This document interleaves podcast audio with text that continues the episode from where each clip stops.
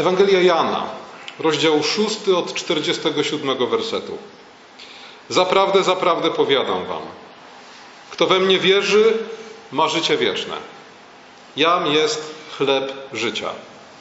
Ojcowie wasi jedli mannę na pustyni i pomarli. To jest chleb, który z nieba zstępuje. Kto go spożywa, nie umrze. Ja jestem chlebem żywym, który zstąpił z nieba. Jeśli kto spożywa ten chleb, będzie żył na wieki. Chlebem, który ja dam, jest moje ciało za życie świata. Chleb jest jednym z wielkich biblijnych symboli, wielkich biblijnych obrazów, które w świecie biblijnej symboliki znaczą tak wiele, że za ich pomocą możemy opowiedzieć całą historię świata, całą historię zbawienia. Tak jak można powiedzieć, że cała historia świata, cała historia zbawienia jest historią zmagania światła z ciemnością i odwołując się do biblijnej symboliki światła, można opowiedzieć całą historię świata i całą historię zbawienia.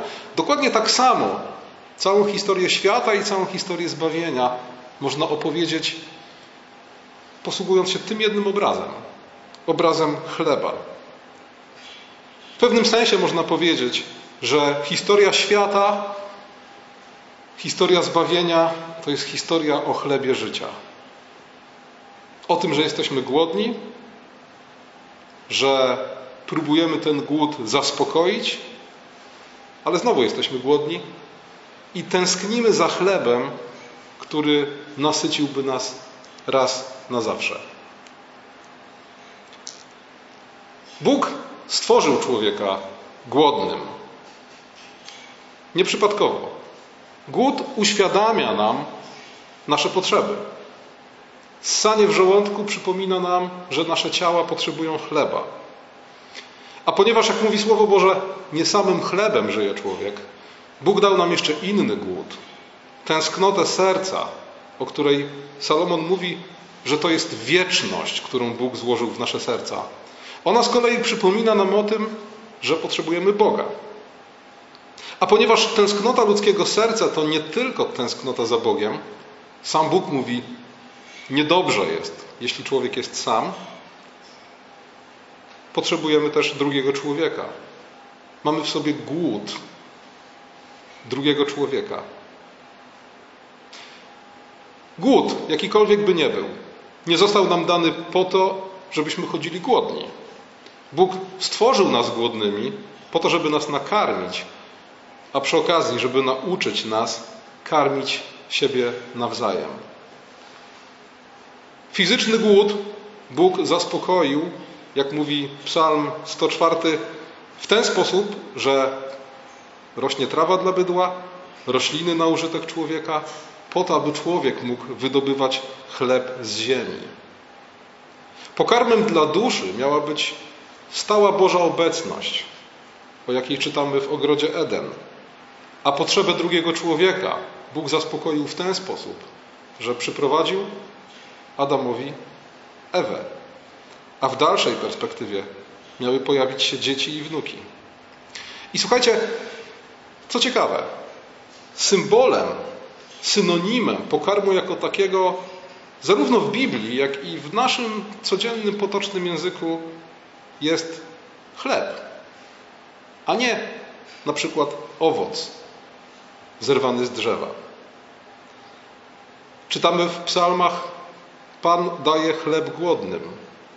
Kto uprawia swoją rolę, ma dosyć chleba. Księga Przypowieści. Czytamy o spożywaniu chleba w troskach. Sami też mówimy o tym, że pracujemy na chleb. To ciekawe. Przeciwieństwie do owoców rosnących na drzewach, chleb jest owocem nie tylko ziemi, ale też pracy rąk ludzkich. I to też ma swoje znaczenie. To jest powód, dla którego synonimem i symbolem wszelkiego pokarmu w Piśmie Świętym jest właśnie chleb. Bóg nie stworzył chleba. Bóg stworzył ziarno. Ziarno, które jest dobre, a które człowiek, jak modlimy się niekiedy słowami modlitwy Didache, nauki dwunastu apostołów. Człowiek miał gromadzić ziarna rozsiane po górach, przetwarzać je, brać w swoje ręce, błogosławić, łamać i rozdawać. I tego chleba miało zawsze dla wszystkich wystarczać. Boży świat miał być przez człowieka przemieniany, przekształcany w taki sposób, aby pewnym sensie przypominał bochen chleba i smakował jak świeży chleb. Idąc dalej śladem tej symboliki, możemy powiedzieć, że pewnego dnia nieprzyjaciel dodał do ciasta, z którego jest ulepiony ten świat, obcy kwas. A jak czytamy w pierwszym liście do Koryntian, w piątym rozdziale, szóstym wersecie, nawet odrobina kwasu potrafi zakwasić całe ciasto. W ten sposób na świecie pojawił się grzech, który nasz Pan w dwunastym rozdziale, pierwszym wersecie Ewangelii Łukasza porównuje do grzechu, do kwasu. I co ciekawe, kiedy ten kwas grzechu pojawił się na świecie, to jego narzędziem był pokarm, zakazany owoc. Co ciekawe, owoc zerwany z drzewa. Owoc, który nie jest owocem pracy. Człowiek postanowił zaspokoić swój głód, w tym wypadku głód poznania, w sposób zakazany przez Boga. I zobaczcie, Bóg stworzył nas głodnymi po to, żeby nas nakarmić. I kiedy karmimy się, kiedy zaspokajamy swój głód zgodnie z Bożym planem i porządkiem, wszystko jest wszystko jest w porządku. Wszystko jest na dobrej drodze. Ale kiedy ten apetyt próbujemy zaspokajać wbrew Bogu, dzieje się coś złego. Zobaczcie, świat zmienia smak. Głód przestaje być w tym momencie jedynie przyjemnym sygnałem, że zbliża się kolacja. Na świecie pojawił się głód, który zabija duszę i ciało. Ludzie zaczęli umierać z głodu przy okazji wojen, suszy i innych klęsk, tak jak to miało miejsce w Egipcie w czasie panowania Józefa. Ludzie głodni Bożej obecności nie znajdują już zaspokojenia, bo zamiast prawdziwym chlebem duszy, czyli Słowem Bożym, karmieni są kłamstwem i iluzją. Co więcej, zamiast prawdziwego Boga, który karmi swój lud, pojawiają się fałszywe bóstwa, które domagają się tego, żeby je karmić, a w pewnych sytuacjach nawet pożerają swoich wyznawców.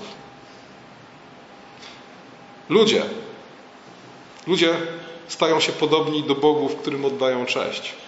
I dlatego ludzie zaczęli też pożerać się nawzajem. Jak mówi apostoł Paweł w liście do Galacjan w piątym rozdziale, piątym wersecie.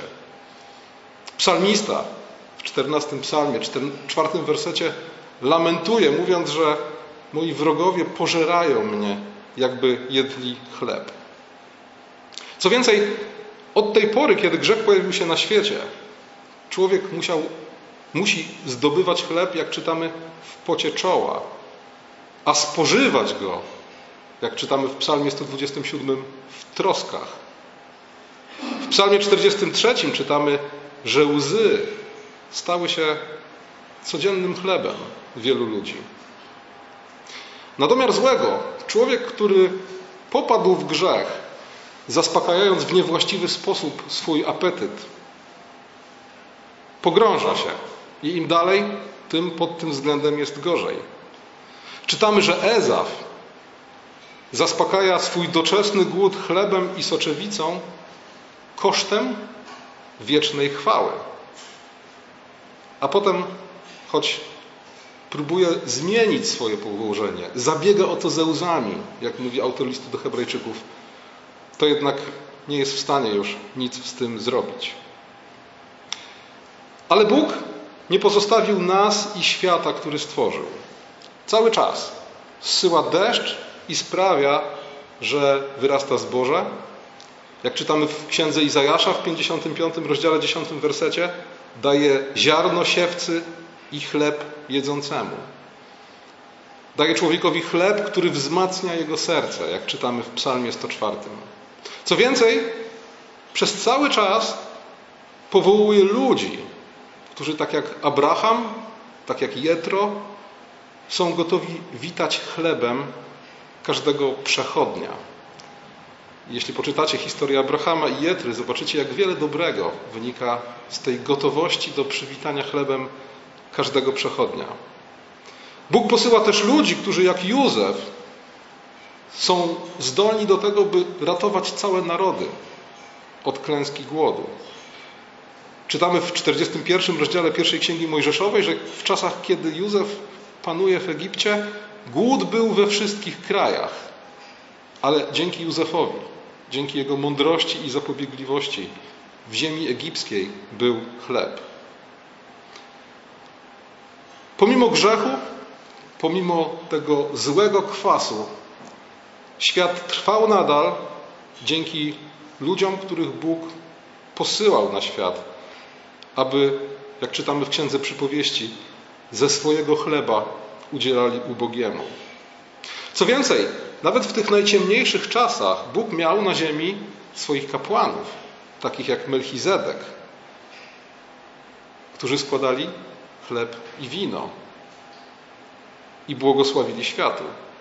Nie, wchodząc głębiej w postać Melchizedeka i jego rolę w historii zbawienia, wygląda na to, że chleb i wino, które Melchizedek ofiarował, są tym samym chlebem, który w czasach Mojżesza nazwano chlebem obecności, chlebem pokładnym, chlebem, który złożony obok naczyń z winem na złotym stole w miejscu świętym symbolizował stałą Bożą obecność pośród Bożego ludu. Te chleby co szabat były spożywane przez kapłanów, co szabat były wypiekane nowe, po to, żeby Izraelici pamiętali, że Bóg jest zawsze wśród nich obecny. A więc przez cały ten czas Bóg posyłał swoje słowo. Wiemy, że nie samym chlebem żyje człowiek, ale każdym słowem, które pochodzi z ust Bożych. Posyłał ludzi, którzy byli gotowi karmić innych ludzi, a jego prorocy zapowiadali, że pewnego dnia najpierw ześle na ziemię głód słuchania słowa Pana, a potem ten głód zaspokoi. Jak prorokował Amos. Kiedy Bóg prowadził swój lud do ziemi obiecanej, dał im obietnicę. Powiedział im: Będziecie mieszkać bezpiecznie i będziecie jeść chleb dosyta. Po drodze z kolei karmił ich manną. Manną, którą Psalm 78 nazywa anielskim chlebem. I to właśnie wtedy, na pustyni, Bóg nakazał, aby w przybytku przed Jego obliczem składano chleby pokładne, chleby obecności, które miały przypominać o tym, że Bóg jest pośród swojego ludu. Ta nowa ziemia miała być dla Izraelitów nie tylko nowym, lepszym, wygodniejszym miejscem do życia. Ona miała być miejscem nowego życia. Wychodząc z Egiptu, mieli porzucić kwas Egiptu, Mieli porzucić bałwochwalstwo, grzech i zło. Ale jak się okazało, niestety, do ziemi obiecanej Izraelici przynieśli ze sobą kwas Egiptu. Mieli usunąć stary kwas i stać się nowym zaczynem, jak mówi apostoł Paweł w pierwszym liście do Koryntian, w piątym rozdziale, siódmym wersecie. Mieli żyć nie w kwasie złości i przewrotności, ale w przaśnikach szczerości i prawdy, bo taki jest symbol przaśnego chleba spożywanego w trakcie Paschy. Ale tak się nie stało. Co więcej, z czasem ten kwas Egiptu zwyciężył, całe ciasto się zakwasiło i Izrael stał się gorszy niż Egipt. Doszło do tego, że sprawiedliwość, wszelka sprawiedliwość i pobożność w Egipcie, w Egipcie, w Izraelu, który stał się jak Egipt, musiała zejść do podziemia. Czytamy o takich sytuacjach, kiedy w czasie panowania Achaba resztki proroków Pana, ukrywane po jaskiniach, były przez resztkę sprawiedliwych potajemnie karmione chlebem, a Eliaszowi chleb przynosiły kruki. Ostatecznie doszło do tego, że w bardzo symboliczny sposób Noemi, uboga wdowa, opuszcza Betlejem, a Betlejem znaczy dom chleba, po to, aby szukać chleba na pustynnych polach Moabu. Izrael staje się przeciwieństwem tego, czym miał być. I kiedy wydaje się, że gorzej już być nie może, kiedy wydaje się, że ten kwas grzechu, zwróćcie uwagę, że Jezus używa określenia kwas Heroda, kwas faryzeuszy i sadyceuszy. Ten kwas zdaje się zwyciężać. Wtedy właśnie w Betlejem, w mieście nazywanym Domem Chleba, przychodzi na świat Jezus Chrystus. On przychodzi po to, aby do tego ciasta, z którego ulepiony jest Izrael i z którego ulepiony jest cały świat, dodać nowy kwas, kwas Królestwa Bożego. Jezus używa takiego porównania, mówiąc o Królestwie Bożym, które przyszło wraz z Nim, mówi, że ono jest jak kwas, który zakwasi całe ciasto. I wraz z przyjściem Chrystusa świat zaczyna z dnia na dzień odzyskiwać ten smak, który utracił z powodu grzechu. Chrystus, w przeciwieństwie do Adama i do jego naśladowców, potrafi zapanować nad swoim głodem. Jak wiecie, nie ulega pokusie zamiany kamieni w chleb, kiedy pości 40 dni na pustyni. W ten sposób przechodzi przez próbę, której nie sprostał Adam w ogrodzie Eden i której nie sprostali Izraelici podczas 40 lat wędrówki na pustyni. Ale kiedy przychodzi na to czas, na pustkowiu, Jezus karmi kilka tysięcy ludzi cudownie rozmnożonym chlebem. A potem, krótko potem, komentując to wydarzenie, mówi: Ja jestem chlebem życia. Ojcowie wasi jedli mannę na pustyni, ale poumierali. A to jest chleb, który wstępuje z nieba. Kto go spożywa, nie umrze. Jeśli kto spożywa ten chleb, będzie żył na wieki. A chlebem, który ja dam, jest moje ciało za życie świata. Słuchajcie, te słowa mogą się wydawać niedorzeczne. I niedorzeczne wydawały się wielu ludom, ludziom, a nawet wielu uczniom Jezusa. Żydzi pytali, jak On może dać nam swoje ciało do spożycia? Czytamy też pod koniec szóstego rozdziału, że od tej pory, czyli od momentu, kiedy Jezus wypowiada te niedorzeczne słowa, wielu uczniów Jego odeszło i już z Nim nie chodziło. To jest jedyny taki przypadek, gdzie uczniowie, jakaś część, odchodzi od Jezusa z powodu tego, co powiedział. Tak bardzo niedorzeczne były słowa o tym, że On jest chlebem z nieba i że tym chlebem z nieba jest Jego ciało, które On da do jedzenia nam za życie świata. Warto się przyjrzeć tym niedorzecznym słowom w kontekście, w jakim padły. Zaczyna się od tego, że Jezus karmi na pustyni tysiące ludzi cudownie rozmnożonym chlebem. Widząc to, ludzie mówią: Ten prawdziwie jest prorokiem, który miał przyjść na świat. Rozpoznają w Chrystusie proroka, ale nie zwykłego proroka. Mówią: On jest prorokiem, który miał przyjść.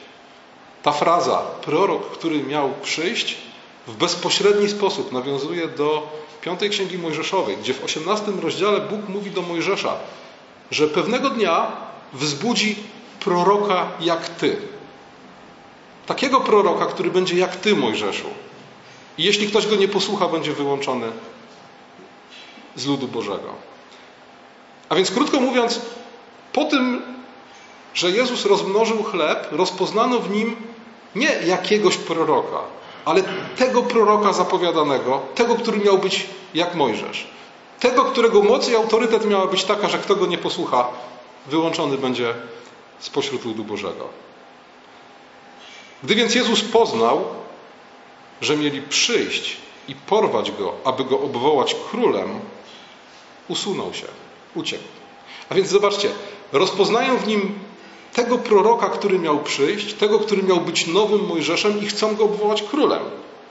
Czyli krótko mówiąc, rozpoznali w nim nowego Mojżesza i Mesjasza, tego, który miał zasiąść na tronie.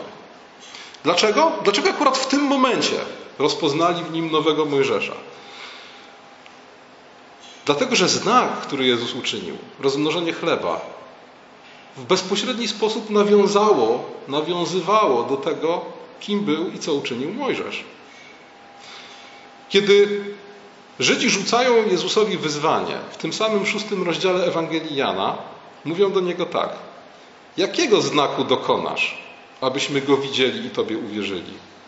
Cóż zdziałasz? I podpuszczają go, mówiąc: Ojcowie nasi jedli mannę na pustyni. Jak napisano, dał im do jedzenia chleb z nieba. A więc widzicie?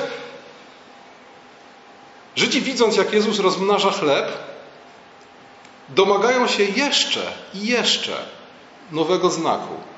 Ale podpowiadają mu, rozmnożyłeś chleb w porządku, ale może teraz dasz chleb z nieba, tak jak uczynił to Mojżesz.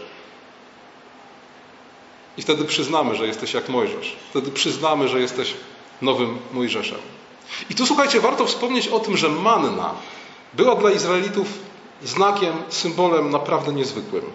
Jak wiecie, pojawiła się w cudowny sposób. Ale miała też cudowne właściwości. Wiemy, że jak Izraelita zbierał mannę, to niezależnie od tego, ile czasu na to poświęcił, zawsze zebrał tyle samo. Tyle, żeby mu starczyło na ten dzień. Wiemy, że jeśli się połakomił i zebrał sobie na dzień następny, to co się stało?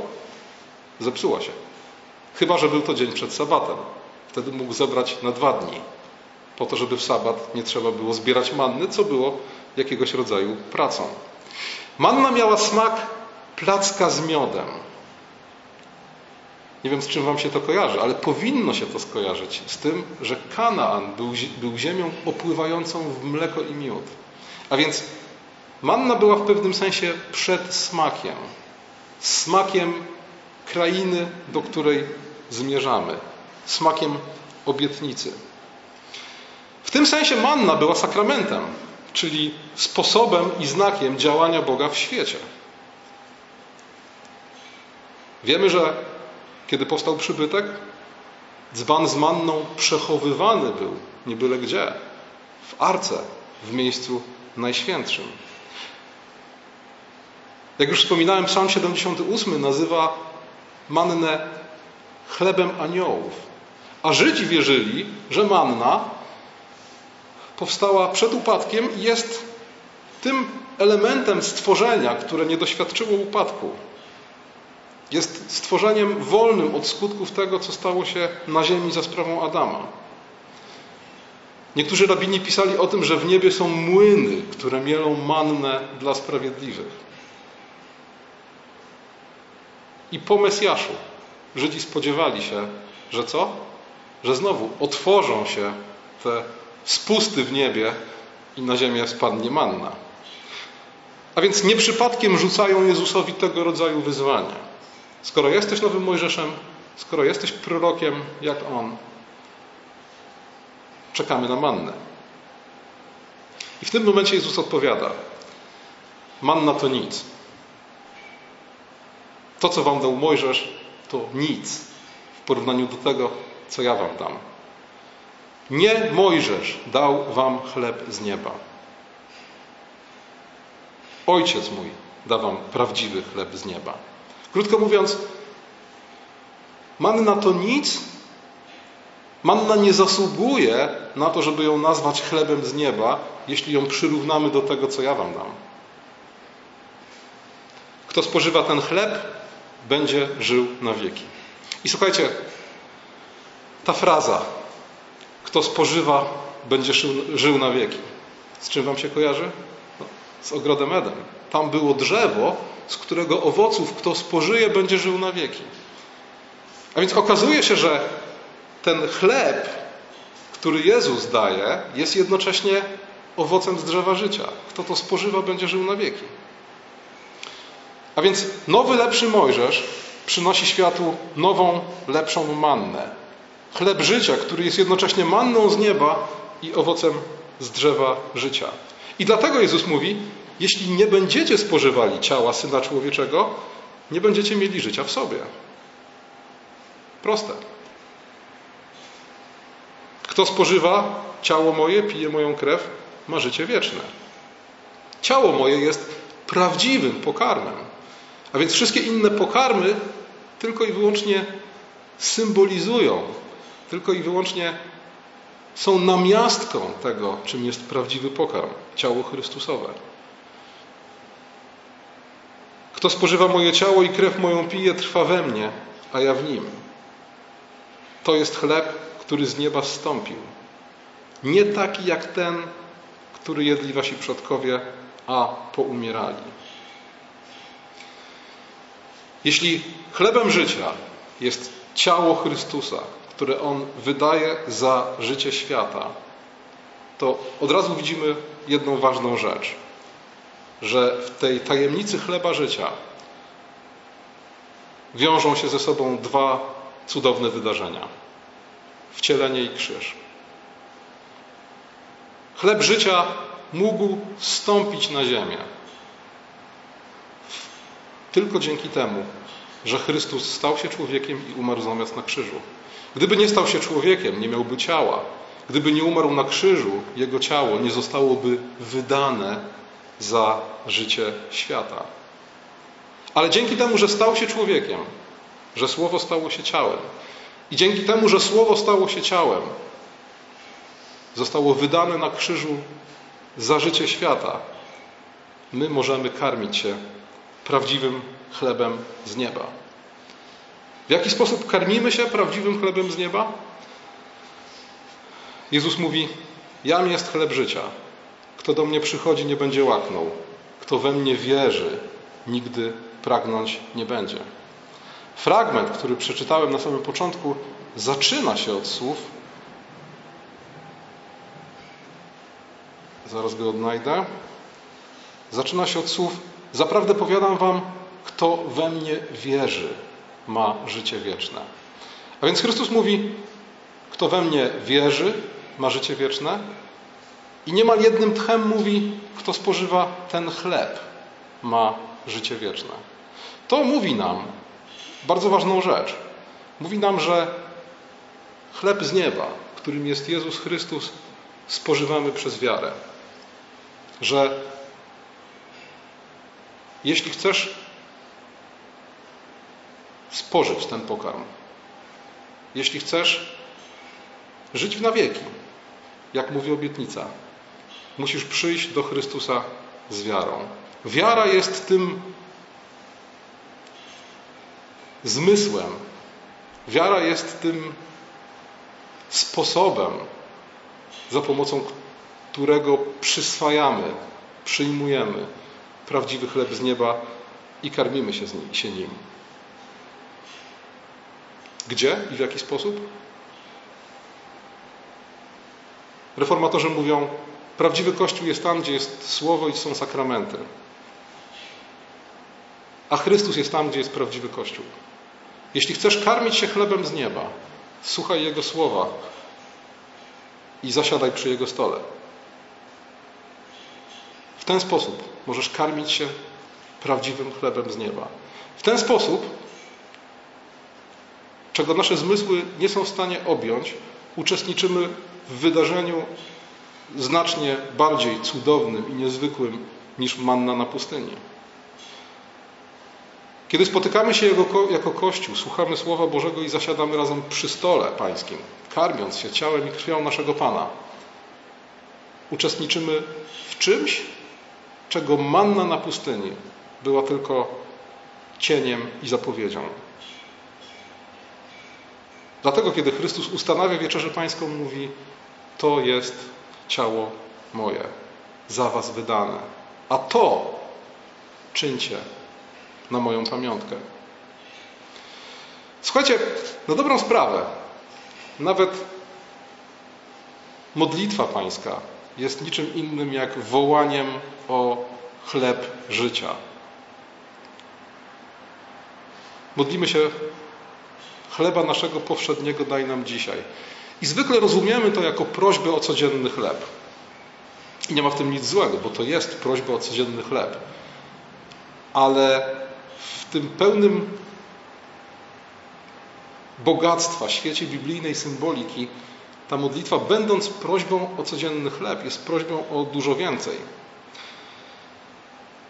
Greckie słowo epiouzios, które tłumaczymy jako powszedni, okazuje się być ewangelicznym neologizmem. Nikt wcześniej go nie używał. I jest to neologizm bardzo bogaty w znaczenia. To może być chleb na dziś, ale to równie dobrze może być chleb potrzebny do życia albo chleb przyszłego czasu. Chleb nadprzyrodzony. I w ten sposób tłumaczył to Hieronim w Wulgacie. A więc oprócz modlitwy o codzienny chleb, tak naprawdę modlitwa pańska zawiera też prośbę o to, aby Bóg już dzisiaj pozwolił nam spożywać pokarm przyszłego wieku. A więc jest tak naprawdę modlitwą o przywilej zasiadania przy stole pańskim. Po to, abyśmy dzisiaj mogli spożywać chleb przyszłego wieku. Chleb na drogę. Tak jak Izraelici, którzy na pustyni spożywali chleb, który smakował ziemią obiecaną. Dokładnie tak samo my przy stole pańskim spożywamy chleb, który w tym duchowym wymiarze smakuje niebem.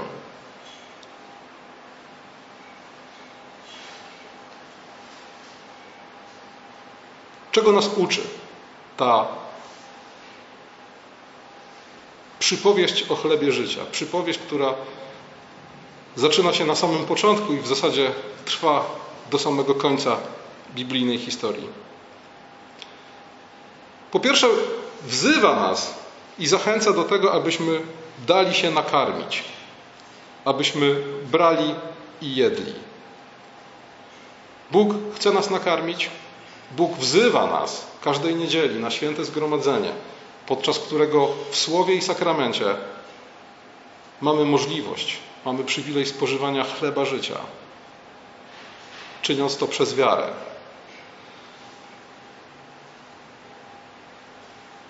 To jest wielki przywilej i lekkomyślnością jest lekceważyć go. Jeżeli rzeczywiście wierzymy w to, że tutaj, w zgromadzeniu Kościoła, słuchając słowa i zasiadając przy stole pańskim, naprawdę karmimy się Chrystusem, który jest chlebem życia, to jakimi głupcami jesteśmy, kiedy ten przywilej lekceważymy. Dalej, kiedy już tu jesteś, rozpoznaj w Chrystusie, rozpoznaj w Kościele ciało Chrystusa. Słuchajcie, tajemnica eucharystycznego zgromadzenia jest w mniejszym stopniu tak naprawdę tajemnicą substancji chleba i wina i wielkich dyskusji na temat sposobu, w jaki Bóg jest w nich obecny. To jest przede wszystkim tajemnica zgromadzenia. To jest przede wszystkim tajemnica tego, że to zgromadzenie jest najbardziej niezwykłym zgromadzeniem w dziejach świata. Bo kiedy dwóch lub trzech gromadzi się w imię Chrystusa, kiedy w Jego imię gromadzi się Kościół, aby zwiastować Słowo i sprawować sakramenty, to dzieje się najbardziej niezwykła rzecz w historii świata, choć na zewnątrz tak to wszystko zwyczajnie wygląda. Apostoł Paweł zachęca nas, żebyśmy w tym zgromadzeniu rozpoznali ciało Chrystusa, mówiąc, Chleb, który łamiemy, czyż nie jest społecznością ciała Chrystusowego? Ilu nas jest? Wszyscy stanowimy jedno ciało w Chrystusie, bo jesteśmy uczestnikami jednego chleba. A więc bierz i jedz, pozwól się nakarmić i rozpoznaj, czym jest zgromadzenie, w którym uczestniczysz. Zdaj sobie sprawę z tego, że uczestniczysz w ciele Chrystusa. To z kolei sprawia, że Nie tylko powinniśmy regularnie uczestniczyć w nabożeństwach, nie tylko głupotą jest lekceważyć zaproszenie na tak wspaniałą uroczystość, ale przede wszystkim jest to dla nas też zachęta i napomnienie, abyśmy poważnie traktowali Kościół, bo Kościół jest ciałem Chrystusa, w którym w tym ciele wszystkie te wspaniałe rzeczy mają miejsce. Dalej,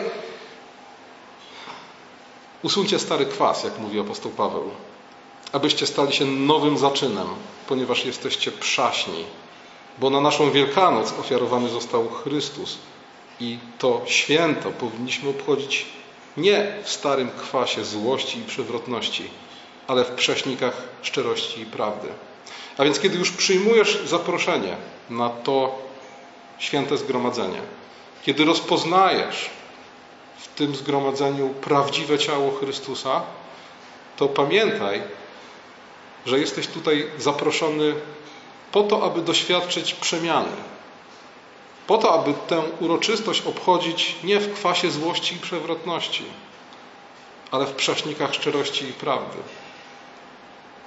Bo spożywanie chleba życia, po co nam to wszystko? Po to, żebyśmy zostali dokładnie tacy sami i dokładnie tacy sami wrócili do naszych codziennych spraw? Nie. Przychodzimy tu właśnie po to, żeby spożywając chleb przyszłego wieku, w pewnym sensie stawać się ludźmi przyszłego wieku. Ludźmi nowego świata. Tego, którego oczekujemy. Ludźmi Królestwa Bożego. A więc przychodzę tu po to, żeby przez Chrystusa zostać oczyszczonym, żeby przez Chrystusa zostać nakarmionym, żeby obchodzić to święto w prześnikach szczerości i prawdy i przemieniony. Można powiedzieć, pozbawiony tego kwasu złości i przewrotności, wrócić do świata i nadawać mu nowy smak smak Królestwa Bożego. A więc przyjdź. Pozwól, aby Chrystus Cię nakarmił. Rozpoznaj w tym zgromadzeniu ciało Chrystusa. Rozpoznaj, że to zgromadzenie służy przemianie Twojego życia. A kiedy wrócisz do swoich codziennych spraw, czyń świat lepszym. Jak czytamy w księdze Kocheleta, rozdawaj chleb swój w obfitości, rzucaj go na wody płynące. Nasycony, powołany jesteś do tego, aby karmić innych, aby tym, co od Chrystusa otrzymałeś w każdej dziedzinie życia i w każdym aspekcie, i duchowym, i materialnym, aby tym właśnie dzielić się z innymi. Aby też, jak apostoł Paweł mówi, nie jeść chleba za darmo. Zwróćcie uwagę, że apostoł Paweł takiego sformułowania używa w korespondencji z Tesaloniczanami. Nigdzie chleba za darmo nie jedliśmy. To też pokazuje na pewien schemat w Królestwie Bożym. Królestwo Boże nie jest, czy Kościół nie jest i nie powinien być klubem darmozjadów. Przychodzimy tutaj i dzięki Bożej łasce karmieni jesteśmy chlebem, ale nie jemy go za darmo w tym sensie, że dzielimy się chlebem z innymi, że w tym Królestwie Bożym, oprócz zasiadania przy wspólnym stole, każdy z nas ma też do wykonania swoją pracę i swoje powołanie. W liście do Hebrajczyków, w dziesiątym rozdziale, jest jeden z tych obrazów przedstawiających Chrystusa, który przychodzi na świat, aby wypełnić wolę Ojca. I tam, cytując Księgę Psalmów, Chrystus mówi: Nie chciałeś ofiar ani całopaleń. Nie chciałeś, abym ci składał ofiary. Ale co? Ale dałeś mi ciało. Dlatego powiedziałem: Oto przychodzę, aby pełnić Twoją wolę. Mamy obraz Chrystusa, który przychodzi nie po to, żeby składać ofiary ze zwierząt. Przychodzi po to, żeby sam złożyć siebie w ofierze za życie świata. To jest Chrystus, ale to jest też w pewnym sensie obraz powołania każdego z nas, bo w 12 rozdziale listu do Rzymian czytamy, że nasze życie w odpowiedzi na dobrą nowinę o Chrystusie powinno być taką ofiarą złożoną Bogu z siebie samego. Oddajemy Bogu siebie ze względu na to wszystko, co Chrystus zrobił dla nas. Nie chciałeś ofiar ani całopaleń, ale dałeś mi ciało. Czyli krótko mówiąc, dałeś mi to, kim jestem, po to, abym tym, kim jestem i wszystkim, co posiadał, mógł Tobie służyć. W tym jesteśmy i mamy być podobni do Chrystusa. Chrystus jest chlebem życia. Jego ciało jest wydane za życie świata. Ale w jakimś sensie takim chlebem dla świata jesteśmy też my, którzy jesteśmy Jego naśladowcami. Był taki franciszkański polski święty w XIX wieku, Albert Chmielowski. Niewiele o nim wiem. Uczyłem się o nim kiedyś na lekcjach religii, ale utkwiło mi w pamięci jego jedno zdanie, jego jedno sformułowanie, którego używał. Bądź dobry jak chleb.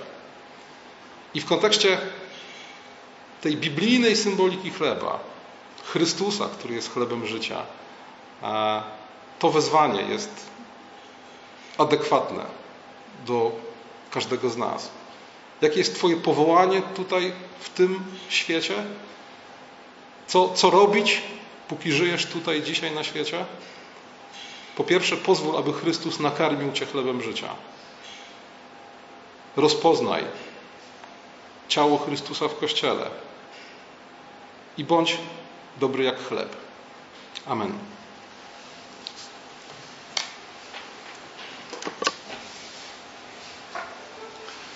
W odpowiedzi na wykład Słowa Bożego zaśpiewamy pieśń, zbierzemy nasze ofiary. Powstańcie proszę.